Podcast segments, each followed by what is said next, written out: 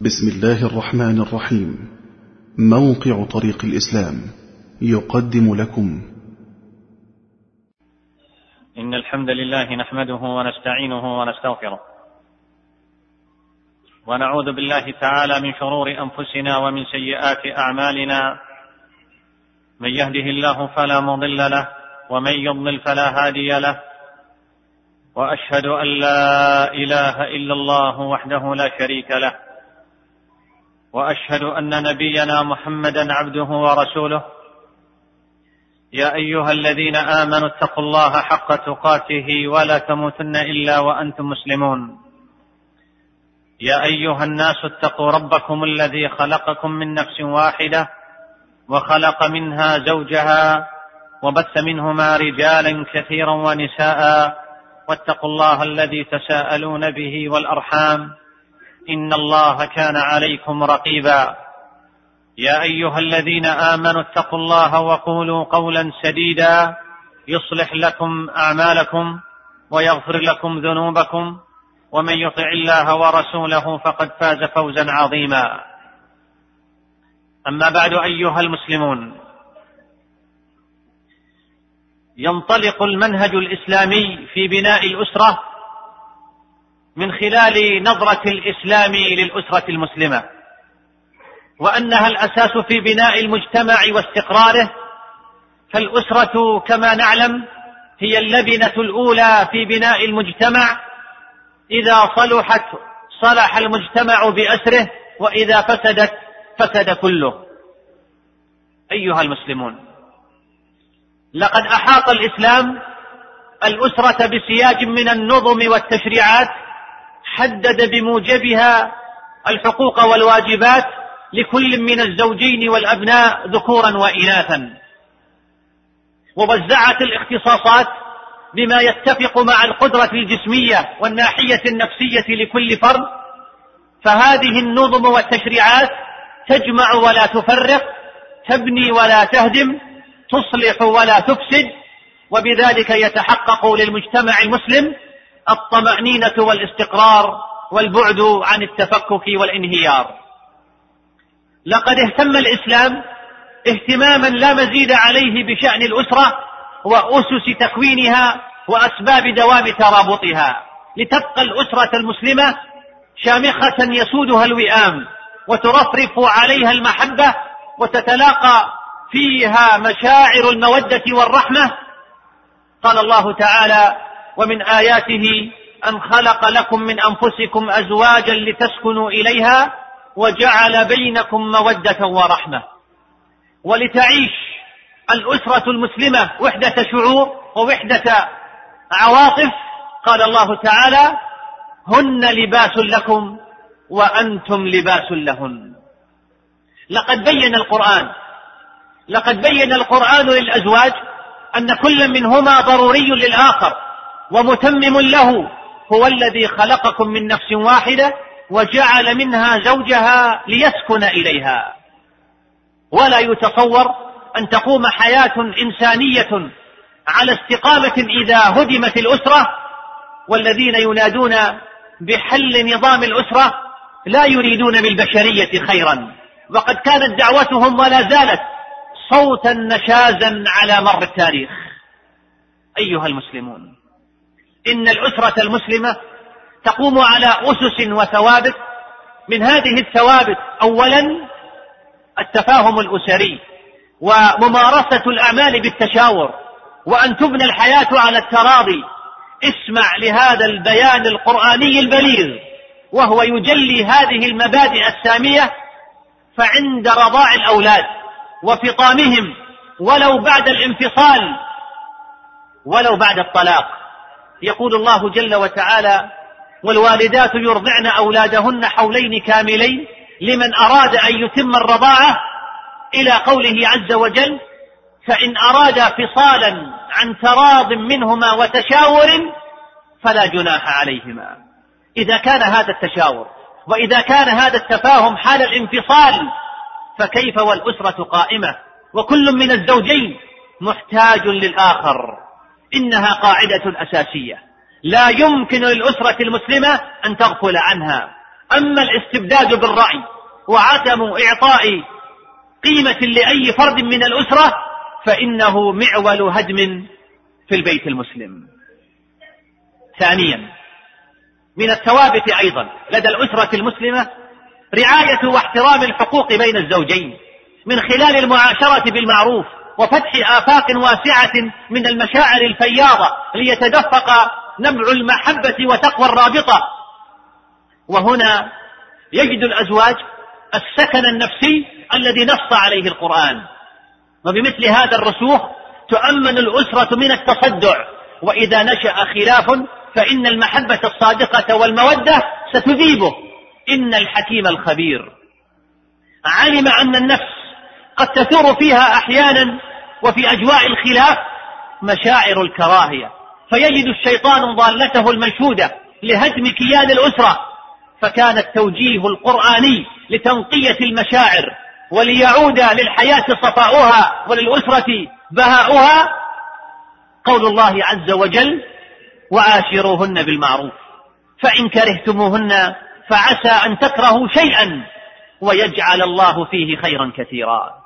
قال الإمام ابن كثير رحمه الله تعالى في تفسيره لهذه الآية أي فعسى أن يكون صبركم في إمساكهن مع الكراهية فيه خير كثير لكم في الدنيا والآخرة. انتهى كلامه رحمه الله.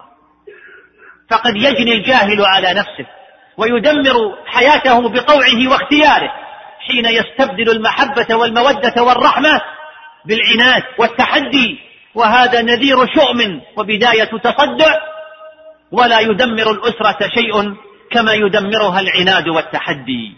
فالخلافات الصغيرة تصبح بالعناد كبيرة والخلافات الكبيرة تغدو باللين والصبر صغيرة. كم نسمع ونشاهد تصدع أسر وهي في مهدها ولما يكتمل بناؤها نتيجة نتيجة لهذه الاعتبارات. وقد قرر كثير من الباحثين أن التفكك الأسري سبب رئيس في انحراف الأهداف والسلوك. ولهذا فإن الأسرة المسلمة مطالبة بحماية نفسها قبل حدوث الشقاق. ولا يخفى أن الحياة لا تصفو دائما بل هي معرضة للسراء والضراء. ثالثا من الثوابت من الثوابت والأسس المهمة والتي يجب أن تدركها الأسرة المسلمة أن لها في هذه الحياة وظيفة ورسالة عظيمة أهمها إقامة حدود الله وتطبيق شرعه ومرضاته بتأسيس البيت المسلم. قال الله تعالى فإن خفتم ألا يقيما حدود الله فلا جناح عليهما فيما افتدت به. رابعا إعداد النسل المسلم وتربيته من وظائف الأسرة المسلمة بل هي المدرسة الأولى التي يتلقى الولد في جنباتها أصول عقيدته ومبادئ إسلامه وقيمه وتعاليمه ولا يقوم مقامها دور الرعاية والخادمات.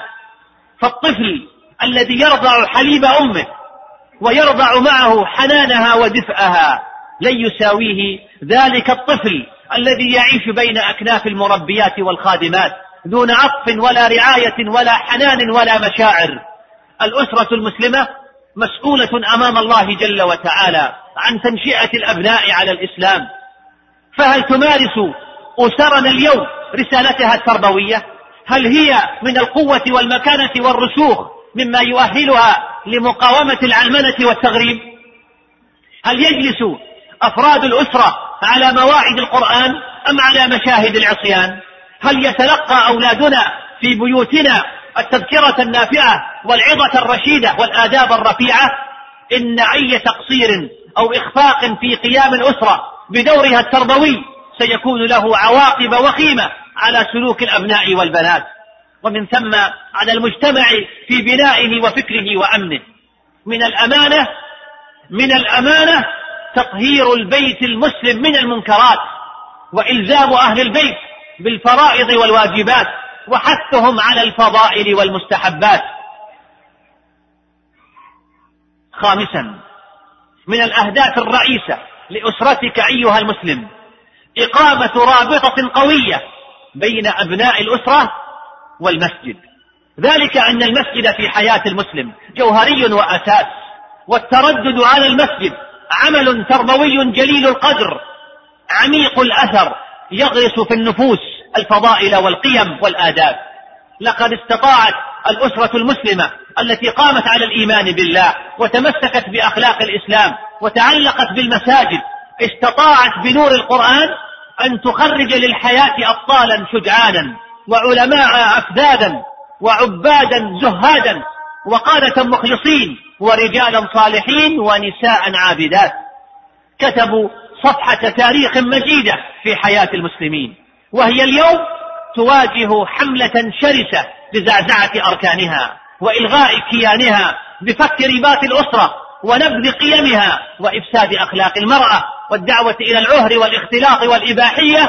وإذا تحطمت الأسرة المسلمة فليبقى ثمة أمة وإن بقيت فهل ستكون إلا على هامش الحياة. أيها المسلمون لقد تفككت عرى الأسرة المسلمة في بعض بلاد المسلمين نتيجة نتيجة السقوط في حمعة التقليد الأعمى للغرب والانسياق وراء كل نحلة ترد منه فكثرت حالات الطلاق وتدمرت الحياة وضاع المجتمع وعزف كثير من الشباب عن الزواج وتبع ذلك انطلاق محموم وراء الشهوات البهيمية. لذا فإن الدور القادم دور خطير ومؤثر فقد أسهمت التغييرات الاجتماعية في تقليص دور الأسرة المسلمة واستولت أجهزة البث الفضائي وغيرها على وقت الأسر وأثرت في مسارها وخلخلت قيمها ففقدت الأسرة في بعض المواضع تأثيرها وشيئا من فاعليتها. إن هذه الأجهزة يا عباد الله إن هذه الأجهزة وغيرها زاحمت الأسرة في توجيه الأبناء والبنات داخل المعقل الحصين بجاذبية مدروسة وغزو مستور مكشوف لتقطع صلتهم بأمتهم وتضعف عقيدتهم وتنسف غيرتهم. لكن المؤلم حقا أن بعض الأسر قد تخلت عن دورها في مهمة التربية العقدية والفكرية وأسلمت أولادها لأجهزة البث الفضائي وغيرها تصنع ما يحلو لها من هدم ومكر وإنك لتحزن. وإنك لتحزن لذلك لذلك الدفق الهائل من السموم عبر الفضائيات لمسخ الأسرة المسلمة وهدم نظامها بالدعوة إلى تحرير المرأة والتمرد على قوامة الرجل ورفض بل نزع الحجاب والنكوص على الأعقاب بتزيين العري والاختلاط ومحاربة القيم وتشويه تعدد الزوجات. ناهيك عن الدعوة إلى تأخير الزواج حيث يصورونه أغلالا وقيودا تكبل الحرية وتحجز عن الانطلاق ثم لوثوا العقول وأفسدوا القلوب بعلاقات مشينة سموها صداقة وزمالة. أيها المسلمون الجميع يعرف أن مرض الإيدز يستهدف جهاز المناعة في جسم الإنسان ومهما كانت قوة جسم الإنسان وشدة بأسه فإن هذا المرض سيقضي عليه ويهلكه. والعلمانيون ودعاة التغريب استهدفوا عبر أطروحاتهم الأسرة المسلمة. لماذا؟ لأنها تمثل جهاز المناعة في المجتمعات. فإن المجتمع إذا تقبل التعريف الجديد للأسرة الذي وضعته منظمات الإباحية فإن الطريق سيكون ميسرا للقضاء على كل مقاومة لنشر الفساد وبقوة القانون. وحتى تستطيع الأمة بمجموعها التصدي لهذا الخطر إذا كانت صادقة. إذا كانت صادقة فإنها يجب عليها أن تدخل مادة الأسرة في مناهج التعليم في مناهج تعليم البنين والبنات حتى ينشأ جيل يحترم هذه المؤسسة ويعرف ما له من حقوق وما عليه من واجبات. إن مشروع حماية الأسرة مهمة الدولة والمجتمع والفرد. ومتى ما كان ومتى ما قام كل بدوره فلن تخترق جيوش الإباحية خطوطنا الأمامية. أيها المسلمون إن بناء الأسرة على الوجه السليم الرشيد ليس أمرا سهلا في أوقاتنا المعاصرة كما يظن البعض بل هو واجب جليل يحتاج إلى إعداد واستعداد. كما أن الحياة الزوجية ليست لهوا ولعبا وليست مجرد تسلية واستمتاع بل هي تبعات ومسؤولية وواجبات. من تعرض لها دون صلاح أو قدرة كان جاهلا غافلا عن حكمة التشريع الإلهي ومن أساء استعمالها أو ضيع عامدا حقوقها استحق غضب الله جل وتعالى وعقابه. ولذلك ينبغي أن يكون الإنسان صالحا لهذه الحياة قادرا على النهوض بتبعاتها. قال الله تعالى يا أيها الذين آمنوا قوا أنفسكم وأهليكم نارا وقودها الناس والحجارة. إن من الضروري جدا بل من الأسس والثوابت أن يعلم الزوجان مقاصد الزواج. فحين تنشأ الأسرة على قاعدة هشة من الجهل بمقاصد الزواج السامية والحقوق الشرعية المتبادلة بحيث يكون الزوجان لم يهيئا ولم يتهيئا لتحمل مسؤولية الحياة وتبعاتها وجد العيش وتكاليفه فيكون السقوط السريع والمريع عند أول عقبة في دروب الحياة.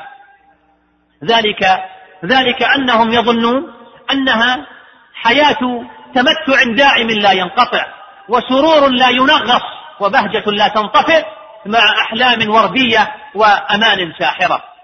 لهذا نرى هذا السيل الجارف المحزن من حالات الطلاق بلا أسباب مقنعة أو خلافات جوهرية بل تذهل لسماع قذائف من ألفاظ تحمل في طياتها طلاقا بائنا لا تراعى فيه ضوابط الشرع. وهكذا يكسر هذا الكيان الصغير الجميل والبيت الذي كانت تظلله سحائب الرحمة والوئام يكسر بمعاول الجهل والغرور والمكابرة والعناد وهوج التفكير وخطله. وما أفضعها من خاتمة مروعة موجعة هي قرة عين الشيطان. فعن جابر بن عبد الله رضي الله عنه عن النبي صلى الله عليه وسلم قال إن إبليس يضع عرشه على الماء ثم يبعث سراياه فأدناهم منه منزلة أعظمهم فتنة. يجيء أحدهم فيقول فعلت كذا وكذا فيقول ما صنعت شيئا. قال ثم يجيء أحدهم فيقول ما تركته حتى فرقت بينه وبين امرأته. قال فيدنيه منه ويقول نعم أنت فيلتزمه. رواه مسلم في صحيحه. والشيطان حين يفلح في فك روابط في فك روابط الأسرة لا يهزم بيتا واحدا. ولا يضع شرا محدودا. إنما يوقع الأمة جمعاء في شر بعيد المدى. ذلك أن الأمة التي يقوم بناؤها على لبنات ضعيفة من أسر مخلخلة وأفراد مشردين وأبناء يتامى لن تحقق نصرا ولن تبلغ عزا بل تتداعى عليها الأمم كما تتداعى الأكلة إلى قصعتها. نسأل الله جل وتعالى أن يريد الحق حقا وارزقنا اتباعه. والباطل باطلا وارزقنا اجتنابه. نفعني الله وإياكم بهدي كتابه واتباع سنة نبينا محمد صلى الله عليه وسلم. أقول هذا القول وأستغفر الله لي ولكم فاستغفروه إنه هو الغفور الرحيم. الحمد لله على إحسانه وأشكره على توفيقه وامتنانه وأشهد أن لا إله إلا الله وحده لا شريك له تعظيما لألوهيته وربوبيته وأسمائه وصفاته. وأشهد أن نبينا محمدا عبده ورسوله الداعي إلى جنته ورضوانه وصلوات ربي وسلامه عليه وعلى آله وعلى أصحابه وسلم تسليما مزيدا. أما بعد أيها المسلمون. وأيضا من الثوابت المهمة في حياة الأسرة المسلمة وهذا سادسا القوامة. إن حياة الأسرة المسلمة حياة عمل وللحياة أعباؤها وتكاليفها. لذا فهي تحتاج إلى ربان يوجه حركتها ويشرف على سلامتها. هذه القيادة يسميها القرآن القوامة وهي من نصيب الرجل. والرئاسة ليست للاستعباد والتسخير وإنما هي رئاسة إشراف ورعاية لا تعني إلغاء شخصية الزوجة. وإهدار إرادتها أو طمس معالم المودة والألفة في الأسرة.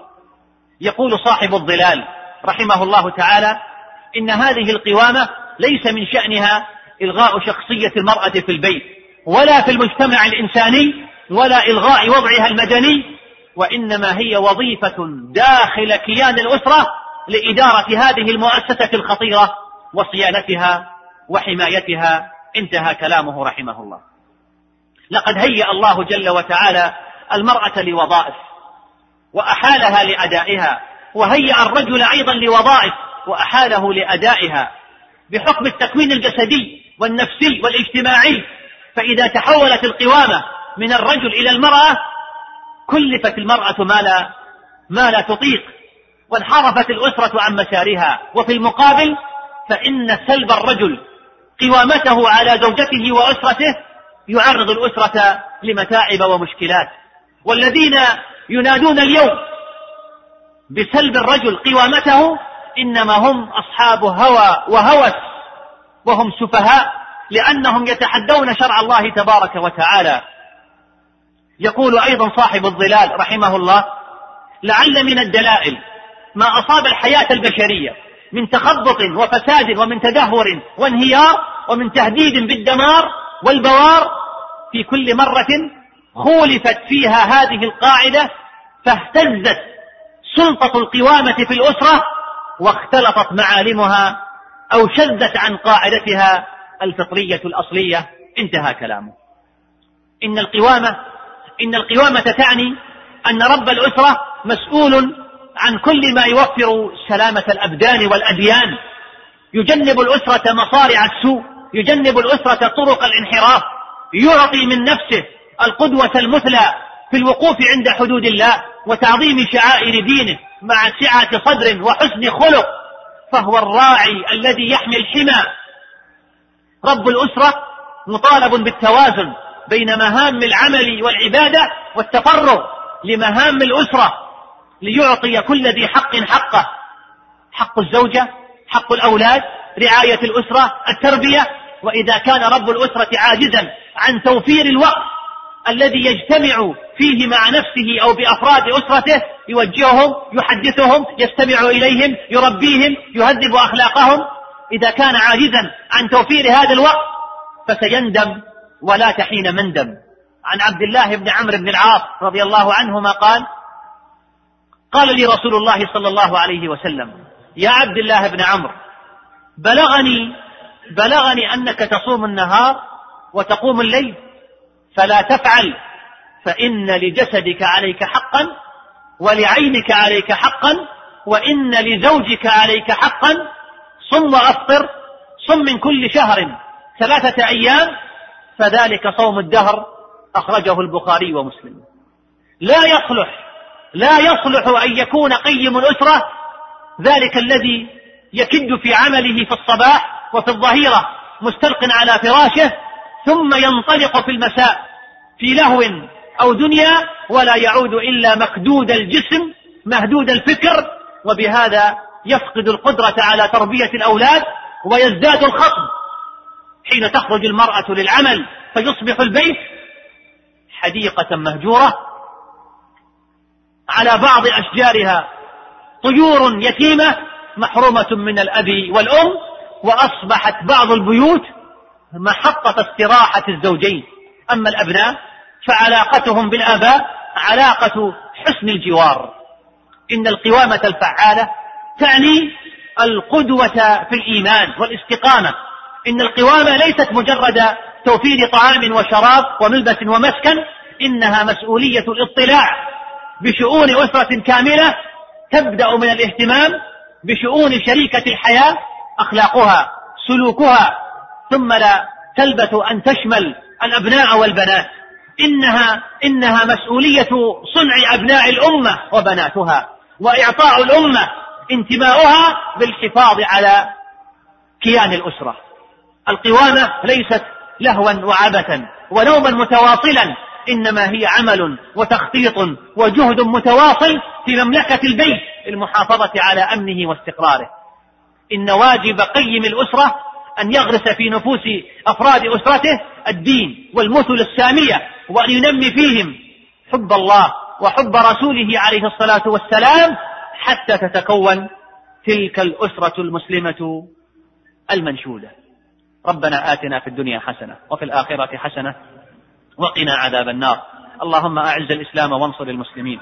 اللهم أعز الإسلام وانصر المسلمين. وأذل الشرك والمشركين. ودمر أعداءك أعداء الدين. اللهم اغفر لآبائنا واغفر اللهم لأمهاتنا ولعلمائنا ولمن له حق علينا. اللهم صل على محمد وعلى آل محمد كما صليت على إبراهيم وعلى آل إبراهيم في العالمين إنك حميد مجيد. اللهم بارك على محمد وعلى آل محمد كما باركت على إبراهيم وعلى آل إبراهيم في العالمين إنك حميد مجيد. وآخر دعوانا أن الحمد لله رب العالمين. مع تحيات إخوانكم في موقع طريق الإسلام www.islamway.com والسلام عليكم ورحمة الله وبركاته.